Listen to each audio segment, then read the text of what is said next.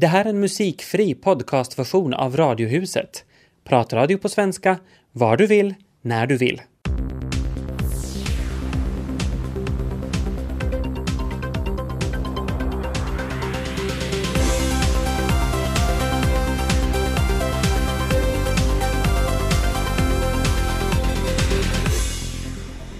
Ganska många som färgar håret, men hur många läser varningarna på förpackningen och oroar sig för om färgerna är farliga?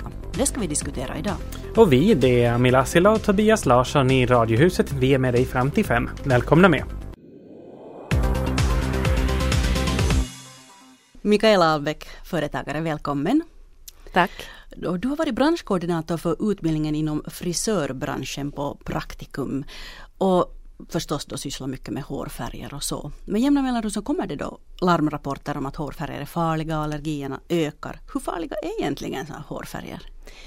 Nå, nu är det hemskt, eh, skulle jag säga, allergiframkallande för dem som, som har tendens att, att reagera på, på det här olika eller om man är känslig helt enkelt. Att, eh, nu skulle jag säga att, att det lönar sig nog att lite följa med. Att in, inte skulle jag rekommendera nödvändigtvis mera. Nu när jag vet vad jag vet idag så inte skulle jag rekommendera kanske att man färgar med vanliga färger. Du skulle inte rekommendera för någon? Nå, det är svårt att säga. Jag vet att det finns hemskt mycket olika, olika det här eh, undersökningar i, runt om i hela världen som pratar helt olika för att det, det är en stor bransch och det finns mycket, mycket, mycket pengar i det här och, och, och fortfarande så följs reglerna ganska långt också att det hålls under de, de tillåtna gränserna. Så, så nu, nu, har jag kanske svårt att säga att jag inte kan rekommendera åt någon för att när det är så mycket som det ändå finns. Men att är man, är man allergisk så, så skulle jag, eller om man har fått någon reaktion så skulle jag nog vara jätteförsiktig. För sen när man en gång blir allergisk så då sitter det för livet oftast. Och då kan man börja reagera på färger i kläder också. No, vad är det för ämnen som är farliga i de här färgerna då? No, PPD, det är en förkortning av parafenylendiamin. Och det är nu den som är den mest omtalade. Och, och det här, um, den är nu, det är en sån sånt som det här sätts till exempel i, i hennafärgning när man tat, henna tatuerar sig så sätts det till för att få den där svarta färgen och hållbarheten. Och, och i henna är den förstås överskrider den där tillåtna gränsen så där kommer hemskt ofta allergiska reaktioner med den. Men att det, man kan få just hudutslag, äh, allergiska symptom som, som vanligt, att till och med också andsvårigheter. Och i värsta, allra värsta, värsta fall så kan det också till och med leda till, till döden som det gjorde i, i England nu i oktober. Men att som sagt det är ju nu ytterst, ytterst sällan som sånt händer. Mm. Hur mycket vet folk om det här? Hur medvetna är människor om, om det här? Alldeles för lite. Till och med också frisörer. Att hemskt, hemskt lite vet frisörer om, om vad det är. Att jag är själv också frisör och, och inte, inte det mycket jag har vetat när jag har hållit på med det. För fem år sedan slutade jag som, som att jobba aktivt som, som frisör. Och, inte, inte det hemskt mycket och sen var jag ändå kanske på min vakt redan då och, och var försiktig då redan. Varför är det så här att man inte vet? För att det kommer alldeles för lite information och i skolorna så, så kanske det inte har funnits den kunskapen heller. Att man går inte tillräckligt in på det här innehållet. Och, och frisörstuderande är inte intresserade oftast av det heller. Att det är bara det är mera modeinriktat och så. Så det är kanske det också som gör det. Nu är du i alla fall involverad i ett EU-projekt om hårfärger. Berätta vad det går ut på. No, det är ett samarbetsprojekt mellan skandinaviska yrkesläroanstalter inom frisörbranschen och uh, där alla skandinaviska länder faktiskt ingår och sen också privatföretagare för, för branschen. Och, och det här det går ut på en, en, ett koncept som heter Grön salong som har för några år sedan tillbaka kommit fram via, via en Johan Galster, en Köpenhamns miljöingenjör eller vad, vad det nu skulle vara direkt översatt. Så, så han, har, han har det här, um, det är mycket, han är inte frisör men det är hemskt mycket forskningsresultat bakom vad, vad som är skadligt och vad som är inte. Att det, det, det är ett helt en hel vetenskap och, och, han är väldigt, väldigt kunnig. Att, att det, det, det, och det skulle vi vilja sprida ut nu till, till Finland också. Att Finland är enda landet som inte har det här grönsalongkonceptet. Och, Och det, det är nu någonting som jag också vill vara delaktig med tillsammans med några andra. Att, att sprida ut kunskapen helt enkelt. Mm. No, man läser i alla fall just om, om sådana lite så här skräcknyheter om, om förutom allergiframkallande att det är cancerframkallande, man kan få cancer i urinblåsan och att det är hormonstörande. Hur allvarligt ska man riktigt ta på det här? No, som sagt, så jag, jag är inte så insatt är jag inte i, i de här um, undersökningarna och, och går man in på nätet så läser man både sånt som säger att det finns um, forskningar som visar på att det inte alls påverkar och så visar, finns det forskningar som, som visar att det, det då påverkar till och med också ganska mycket.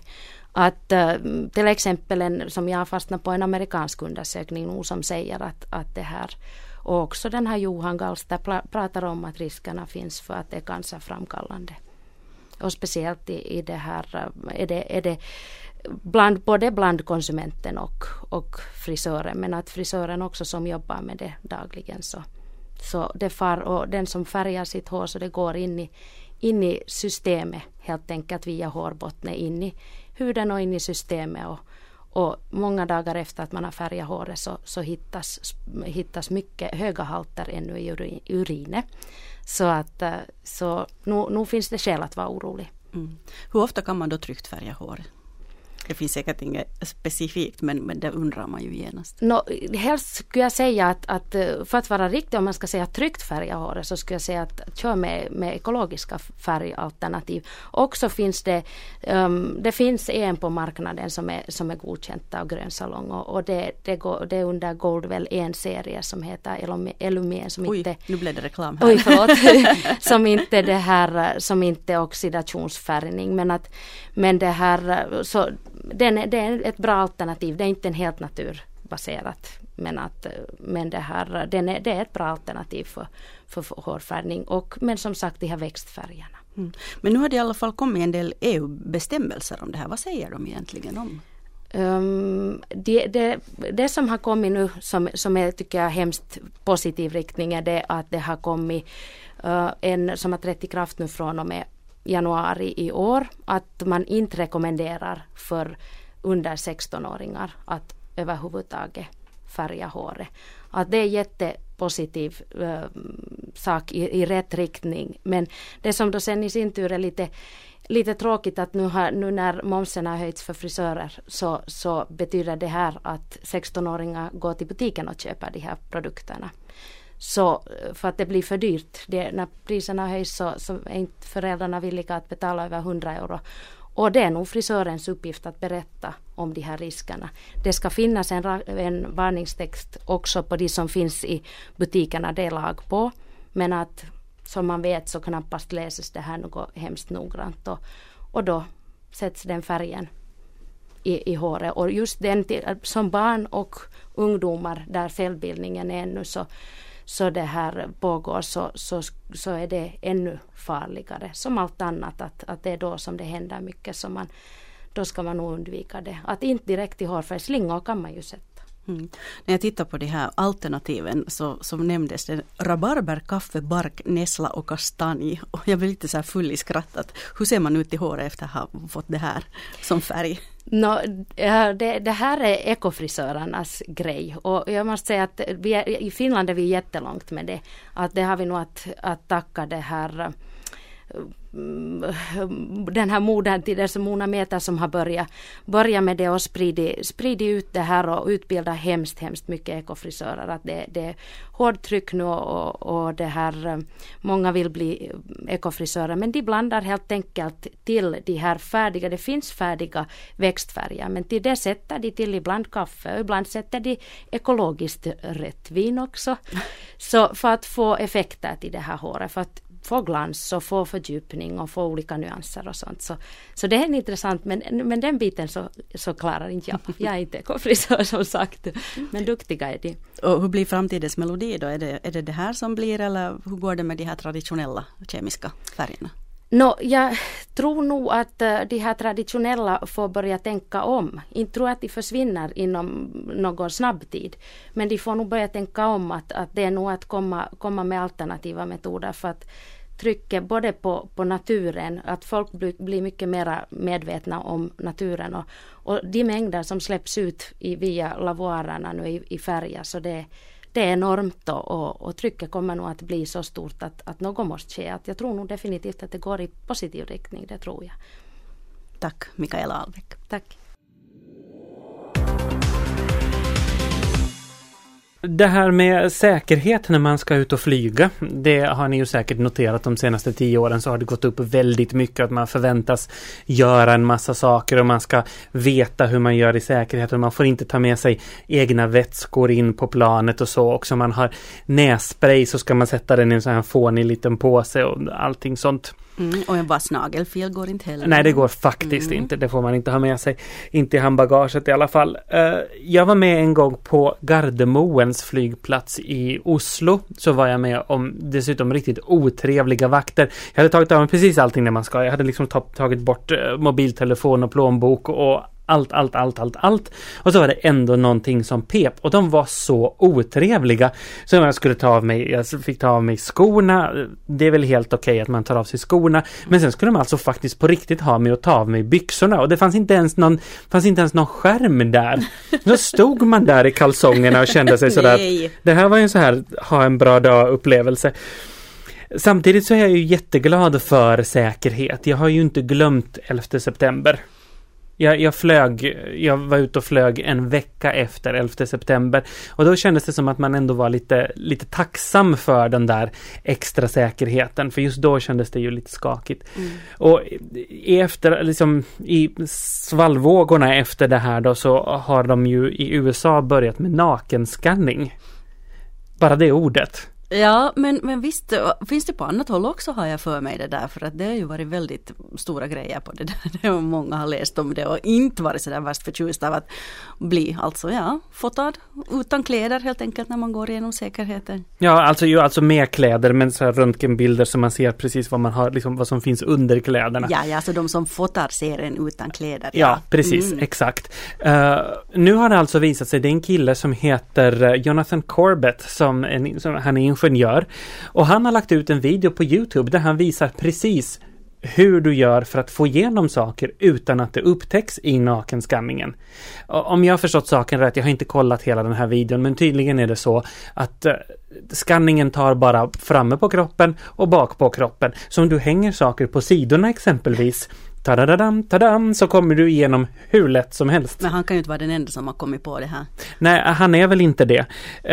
Men jag undrar samtidigt hur mycket av de här sakerna som vi gör för att hålla uppe säkerheten, hur mycket är på riktigt säkerhet och hur mycket är bara spel för gallerierna?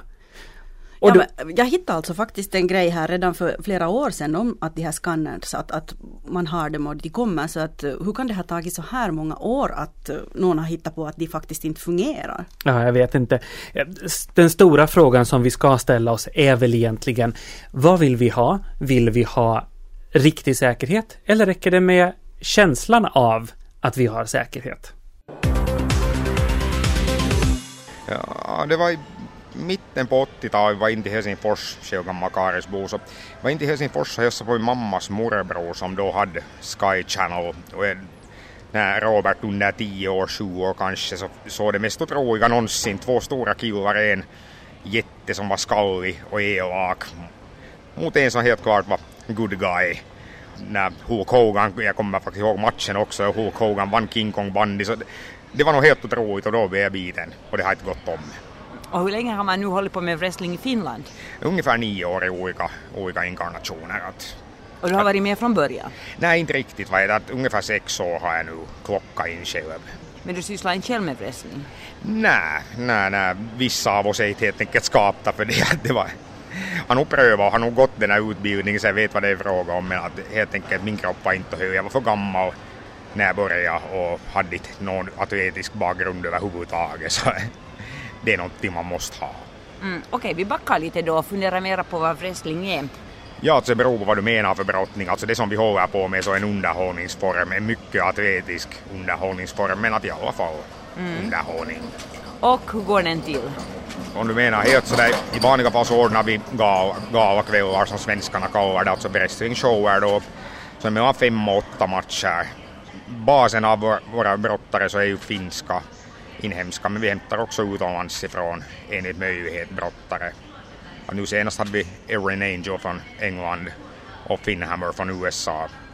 Det finns ju olika matchtyper, en mot en, två mot två, tre mot tre, en mot två. Det finns hur många som helst, det är ju en fantasi närmast som är och begränsar det. Och, mm, ska jag säga, oftast har de där killarna eller tjejerna någonting otalt som görs upp i ringen. Är det så att det är den goda som möter den onda? Är det det som är det vanliga konceptet? Ofta. Ofta, inte det alltid. Emellan möter goda goda och onda onda, att det beror på. Emellan vill folk bara helt enkelt se vem som är bäst. Det behöver inte vara desto mer dramatik bakom det. Är allt uppgjort på förhand? Nej. Men är inte resultatet, slutresultatet att den onda oftast ändå förlorar, är inte det som är uppgjort i förväg? Um, nu ska vi ju säga som så att det nu är som du frågar David Copperfield att berätta att hur fick du vad är det frihetsstatyn att försvinna men att, att, att nu är det ju vissa, vissa ramar som ges åt brottarna men att nu har de fria händer att enligt, helt enligt erfarenhetsgraden det är ju det som det är fråga om att hur erfarna med att hur, hur mycket ramar det behövs ge åt dem. Men vilka är de vanligaste greppen då? Det beror på sen helt brottare till brottare. Att, men så här kedjebrottning är hemskt vanligt, det, det ska alla kunna och det är oftast matchen att börja med. Men att sen är body slam helt hemskt vanligt, att man lyfter upp motståndaren och svänger ner honom på rygg. Ganska enkel grej att göra. Och, och så vidare. Close line som man fäller motståndaren med armen sin så är också nästan förekommer varje match. Det ser ju väldigt våldsamt ut. Hur farligt är det på riktigt? Nu är det Alltså just det här, om du inte kan den här bastekniken, att du kan falla och du, du kan ta emot så du kommer att stöta dig. Så har jag märkt själv då när jag var i utbildning till det. Att, och nu händer det ju att folk skadar sig. Nu har vi haft tur, måste riktigt ta i trä, att ingen skadar sig allvarligare på ganska länge. Men att vi har till exempel en kille där Pasi Suominen, Salama, så han var den mest begåvade brottaren vi har haft i det här landet. Det var mot han jag skadade mig i tiderna själv när vi var på utbildning tillsammans Men han var jättebegåvad men han hade jätteotur att han skadade sig två gånger i rad och andra gången när han hamnade och opererade armbågen så slutade han att det var helt enkelt värt det mera. Nå, vad får uh, brottare ut av det här? Ja, jag funderar på det själv liksom, vad man får ut för det är massa jobb och inga betalt sådär och samma är det för brottarna. Ännu mera så när de hamnar och tränar också så. Men det är en eskapism från vardagen. Jag jobbar själv på inkasso bolag, vad heter sån dagsjobb, vad heter det, så när jag stiger in i, in i ringen och är då tidigare var jag där event manager och nu för tiden är jag kung Robert den första av Fight Club Finland. Så wow. det, det, jo, så det, det, det, det är helt enkelt en total eskapism från vardagen, att man får vara något helt annat. Att det, det är det som är det roliga. Och sen det att när, man, när du får på vår gren och bygger på publikreaktioner om du är good guy eller bad guy, så om du inte får reaktioner som motsvarar det av publiken så har du misslyckats. Och i det skedet när, ska vi säga, om vi då har 100 människor, 150 människor eller 50, så vad du får dem alla att ropa på dig, så då har du lyckats. Och det känns bra. Att jag, jag har själv stått på scen som standup-komiker och, och spelat i band i tiderna och jag har aldrig fått något liknande kicks av framför publiken som inom wrestling, för wrestlingpubliken är helt unik och helt enorm, för de kommer för att ha roligt.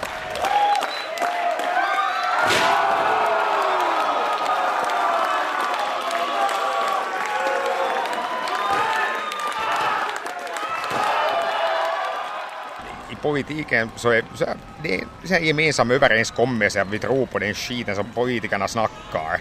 Och helt samma så wrestling baserar sig på det att publiken har kommit överens med varandra och sig själva när de kommer att det här är sant.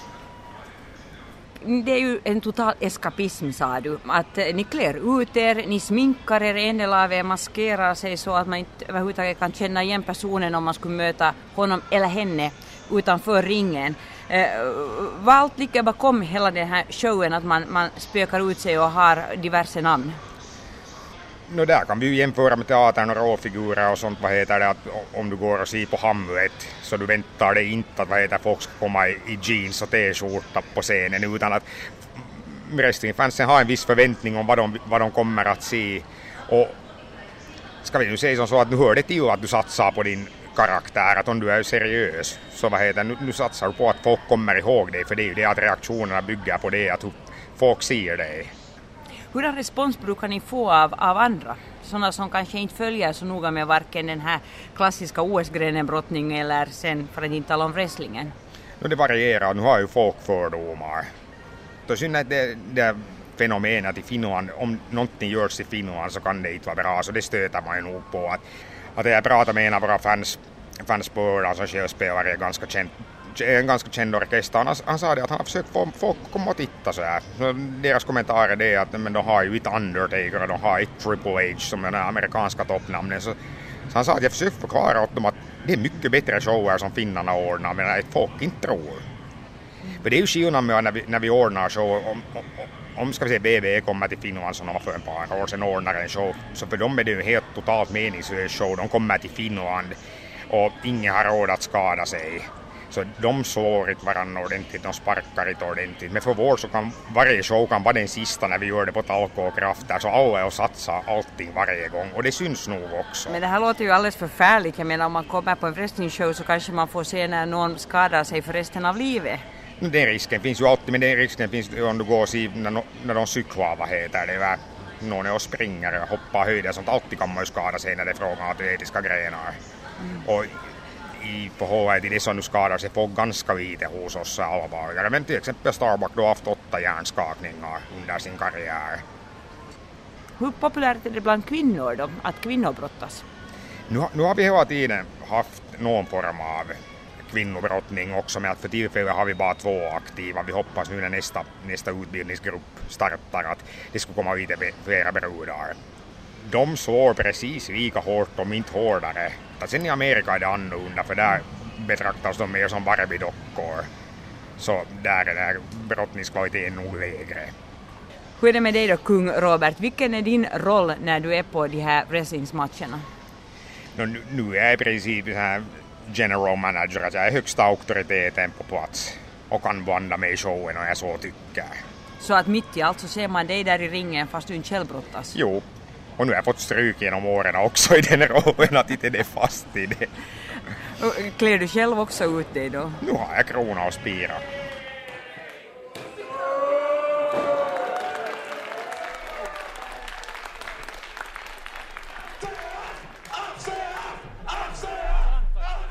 Och kung Robert Holmström intervjuades av Tina Grönros.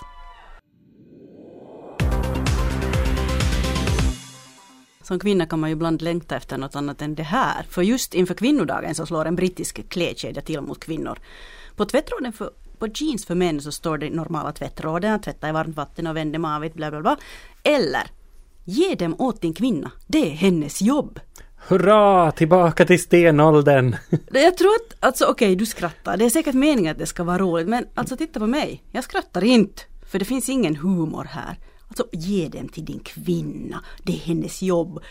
Alltså verkligen stenåldern, here we come again. Din kvinna, det, jag får på något sätt så här mellan raderna känslan av att mannen skulle ha köpt henne någonstans dessutom. Mm, mm. Alltså jag blir lite så här trött och tänker att okej, okay, någon har kommit på det, jag suttit på reklammöte och sa det var yes, det här är en jättebra idé och det kommer säkert att väcka uppmärksamhet och, och det är ju det som är huvudvär, huvudverken, ja, huvudsaken. Men alltså jag säger bara att kära reklammakare, era ärkekonservativa små hjärnor, har ni inte lyckats tänka ut att det faktiskt ibland är kvinnor som köper männens kläder och har de lust att köpa sånt här då? Plus en grej, eh, Toppman fick faktiskt be om ursäkt och dra tillbaka ett parti sexistiska t-skjortor förra året. Var det, tror jag visst så att det, ja, jag, kom, jag kommer ihåg inte, det. Ja. Det här har de inte märkt det här. Men alltså okej, okay, om det var uppmärksamhet som de ville ha så har de fått. På mhm. Twitter mm. så går diskussionen het. Och där, men kanske inte en uppmärksamhet som de tänkte för det är många som säger att de tänker bojkotta den här klädkedjan. Speciellt gillar jag en flicka som skriver att jag är bara 14 år men jag förstår också att det här är sexistiskt.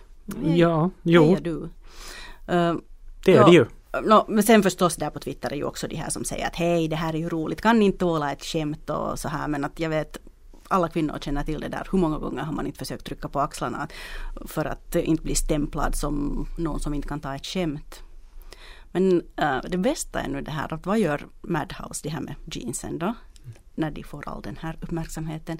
No, de använder sig inte alls av möjligheten att få ytterligare fin reklam och positiv boost. Nähä, för när jag var tittade på deras hemsida så lägger, ligger den nere. Men de lovar att återkomma snart. Undrar vilken grupp de ska slå till med, slå till emot i sin nästa drive. Mm, men vi firar åtminstone kvinnodag imorgon och då har vi en feminist med oss i studion. Att hälsa kostar ingenting. Jag läste en krönika med den rubriken i en gratistidning i Finland för säkert tio år sedan. Jag har ibland tänkt på den texten. För liksom krönikören i tidningen har jag ofta funderat på varför vi finländare har så svårt att hälsa på varandra. För gratis är det ju som sagt och, och det är nog tur. Speciellt i ett fattigt land i Sydamerika. För här hälsar man minsann. Gärna ska man också titulera folk med ett senior eller seniora. Det kanske verkar formellt, men det är trevligt. Buenos dias, så hälsar all lokalbefolkning här i Bolivia fram till klockan 12. På eftermiddagen byter man till ett buenas tardes och klockan 18, då börjar man hälsa buenos noches, god kväll eller god natt. Märkligt nog pågår natten bara till midnatt, så flera gånger har jag trampat i klaveret och jag hälsat god natt åt någon taxichaufför efter klockan 24. Då är det igen dags för buenos dias. Skam den som hälsar på fel sätt. Då blir man rättad efter en snabb titt på klockan. Det är lite lustigt med tanke på att folk här aldrig annars är punktliga. Utlänningar skippar ofta klockstirrande och säger istället ett glatt ”Hola, que tal?” ”Hej, hur är det?” Men hälsar, det gör alla och hela tiden. Dessutom ska man skaka hand män emellan och kvinnor hälsa med en kindpuss. I Finland funderar vi en gång på hur många gånger man ska hälsa på varandra då man möts i korridoren på jobbet. Det här var ett dilemma som den svenska mediekändisen Fredrik Lindström också tog upp i en av sina böcker. Och han kom fram till att tre var det optimala antalet dagliga hälsningar kollegor emellan. Man vill ju inte överdriva heller. Ibland skulle man tro att hälsande är någonting dyrt eller någonting man borde spara med i Finland. Tänk om man nöter upp hälsningsförmågan. Fast när jag flyttade hem till Finland från Bryssel för tio år sedan fortsatte jag av gammal vana att hälsa på postiljonen och sopgubben och andra som jag ständigt sprang på i kvarteret. De var alltid glada och hälsade alltid tillbaks. Det verkar okej okay att hälsa på okända i södra Helsingfors. En ambulerande läkare som jag talade med hade tänkt samma sak. Han hade kartlagt att hälsande i Helsingfors är postnummerberoende. Intressant nog så korrelerar hälsande mellan obekanta med en större andel svenskspråkiga, hade han konstaterat. Men det är ju inte bara finlandssvenskar som hälsar på varandra. Jag har ibland avundsjukt tittat på motorcyklister som möts längs vägen och höjer handen till hälsning. Fast eh, jag får också njuta av den glädjen då jag åker båt i den österbottniska skärgården. Till havs är det okej. Okay. Ja, det förväntas nästan att man ska hälsa på varandra. Fast i stan gäller helt klart andra regler. Då jag bodde i Åbo experimenterade jag ett tag med att hälsa på medflanörer längs gatan. Jag fick så många märkliga blickar att jag ganska snart slutade med mitt projekt. Men varför ska det vara så? Här kommer en utmaning till dig. Ta och hälsa på en obekant människa idag och se vad som händer. Det kan ju bli början på en trevlig bekantskap. Jag är Morten Wallendal och jag hoppas att jag en dag inte ska behöva åka båt för att få hälsa på folk i Finland. Det kostar ju faktiskt ingenting. Jag fastnade för en nyhet på svenska.yle.fi idag och det handlar om spindlar i Australien. Och det var så här skräckblandad fascination för det var spindlar som hade vävt ett jättenät, alltså ett jätte, jättenät i staden Wagga Wagga. För det skyddade den på något vis mot de här översvämningarna som då har drabbat det här området väldigt mycket. Så jag undrar varför, varför, är det så här fascinerande? För när jag tittar på nyhetens hemsida så var det här faktiskt den tredje mest lästa nyheten idag. Jag, jag såg ju över axeln på dig och såg och trodde att det var ett isberg först men det var ju faktiskt ett spindelnät. Så riktigt, riktigt tätt nät. Ni kan gå in på svenska.yle.fi och kolla. För ja, alltså det ser ut som att det är snö på marken mm. men det är liksom spindelnät. Mm. Eh, det är väl kanske inte så underligt att folk gillar det här och klickar sig in på sånt. För jag menar, det är ju någonting med spindlar. Att de är väldigt fascinerande och så är de väldigt motbjudande. Och den här skräcken vi har för spindlar är ju så otroligt konstig egentligen. I Finland finns det ju inga, alltså rätta mig om jag har fel, det borde naturväktarna svara på, men inte finns det några farliga spindlar i Finland. Nej, inte vad jag vet. Om Inga sådana som liksom hoppar på en, biter ihjäl en och äter upp en, de finns ju inte här. Så det är ju, det är ju liksom jätteonödigt att gå runt i Finland och vara rädd för spindlar. Och ändå ser man spindlar, man ser nät och så tänker man Men jag tror att det är inte bara, inte det bara det här med spindlar. Jag tror det är allt sådana udda grejer som fascinerar en på något vis. Och så går man in och klickar. Oh, vad var det här? Oh, vad var det här? Och det, det är liksom så som det fungerar. Och sen går halva dagen och så sitter man där som har klickat sig fram till udda saker på nätet. Mm, typ. Vi pratade tidigare här idag om spindlar som hörde till en av de mest lästa nyheterna på svenska.ylle.fi idag. Den allra mest lästa nyheten rör öl och möjligheten att mellanölsförsäljningen helt ska flyttas till Alko. Handlare Johan Holmström driver butik i Kyrkslätt, närmare bestämt i Lappböle. Jag ringde upp honom och frågade vad ett eventuellt beslut skulle betyda för en butik som hans. Nå, för vår butik så, så skulle det, eh, slaget skulle inte vara så hårt alltså. Det finns eh, butiker som är mer beroende av mellanölsförsäljningen än vi. Men, eh, men för oss skulle det vara ett hårt slag den vägen att, att vi erbjuder ganska mycket utländska specialöl och, och, och sånt. Och man kommer uttryckligen just till oss och hämtar sådana produkter som, som är speciell öl som passar med fiskrätter eller något annat sånt här. Och, och det, där, det är ju en sak som inte vi skulle kunna erbjuda längre. Varför har den här ölförsäljningen utpekats som en så viktig faktor för många småbutiker? Uh, det, ska alltid på, på, på olika sätt kunna erbjuda lite mer än, än de här stora för, för de är liksom automatiskt i, i, i utmanarställning och, och det där, har inte de det så, så blir de automatiskt sen lite överkörda som, som redan från förut tack vare att det inte finns specialaffärer och, och alkohol och allt möjligt annat hos småbutiker så, så försvinner det där ännu så, så, så är det nog ett stort problem. Hurdan är situationen för små butiker? Är det lätt eller är det svårt att driva en liten butik ute på landsbygden? Alltså, man måste tacka kunderna i, i, i det där skedet för att, för att det har blivit lättare att driva en liten butik. Folk är intresserade och vill använda en liten butik. Men, men sen igen så är det svårt att vara en liten aktör det har varit mycket diskussion om, om stora S och K eh, eh dirigerar hur de vill. Och, och, där har vi ett jättestort problem och så har vi ett ganska stort problem att, att med myndigheterna att, att fungera och så, så, så, så de är vana med, med stora och, och, små butiker försöker sen hanka fram sig på, på sina egna sätt och, och då blir det alltid lite sådär jobbigare för oss när vi tar en massa färdiga internetgrejer och sånt där annat. Det, det, det är jobbigare där. Vad tycker du själv om det här förslaget att ge Alko ensamrätt till mellanöl?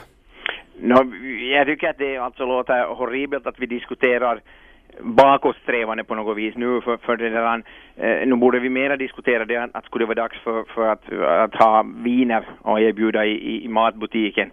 Eh, ja, eh, vi har ju försökt, försökt tidigare diskussion var det att, att finnarna borde att vi finländare borde an, äh, lämna starkspriten och, och, och, och blir mellanölet svårtillgängligare och, och tillika så blir det inte lättare att få vin så, så är det nog två dåliga beslut skulle jag säga. Att, att, att jag kan inte se något annat än det, det bara ökar på, på dessutom på den här privata importen från, från andra länder och det är ju inte heller något vettigt.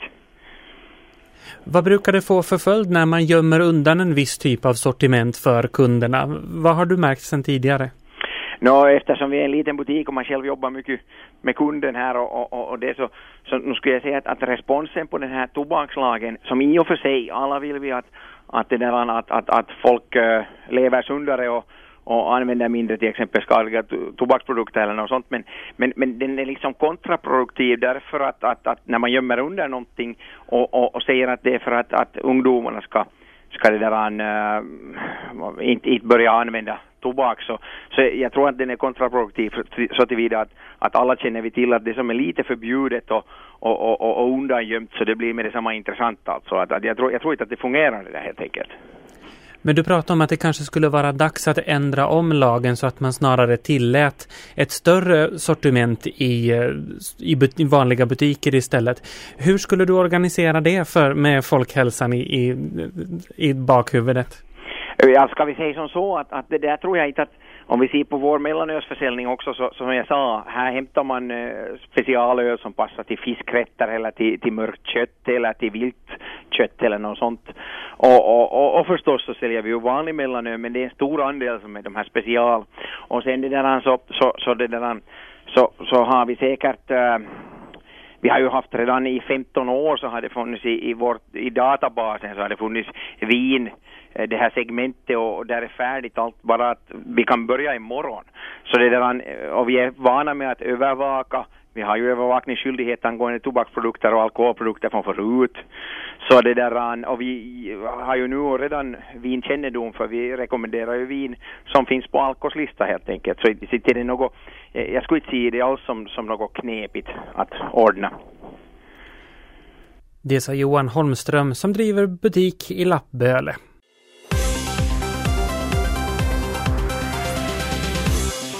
Det här var en musikfri podcastversion av Radiohuset som sänds i Radio Vega måndag till torsdag. Mer information om programmet hittar ni på svenska.yle.fi radiohuset.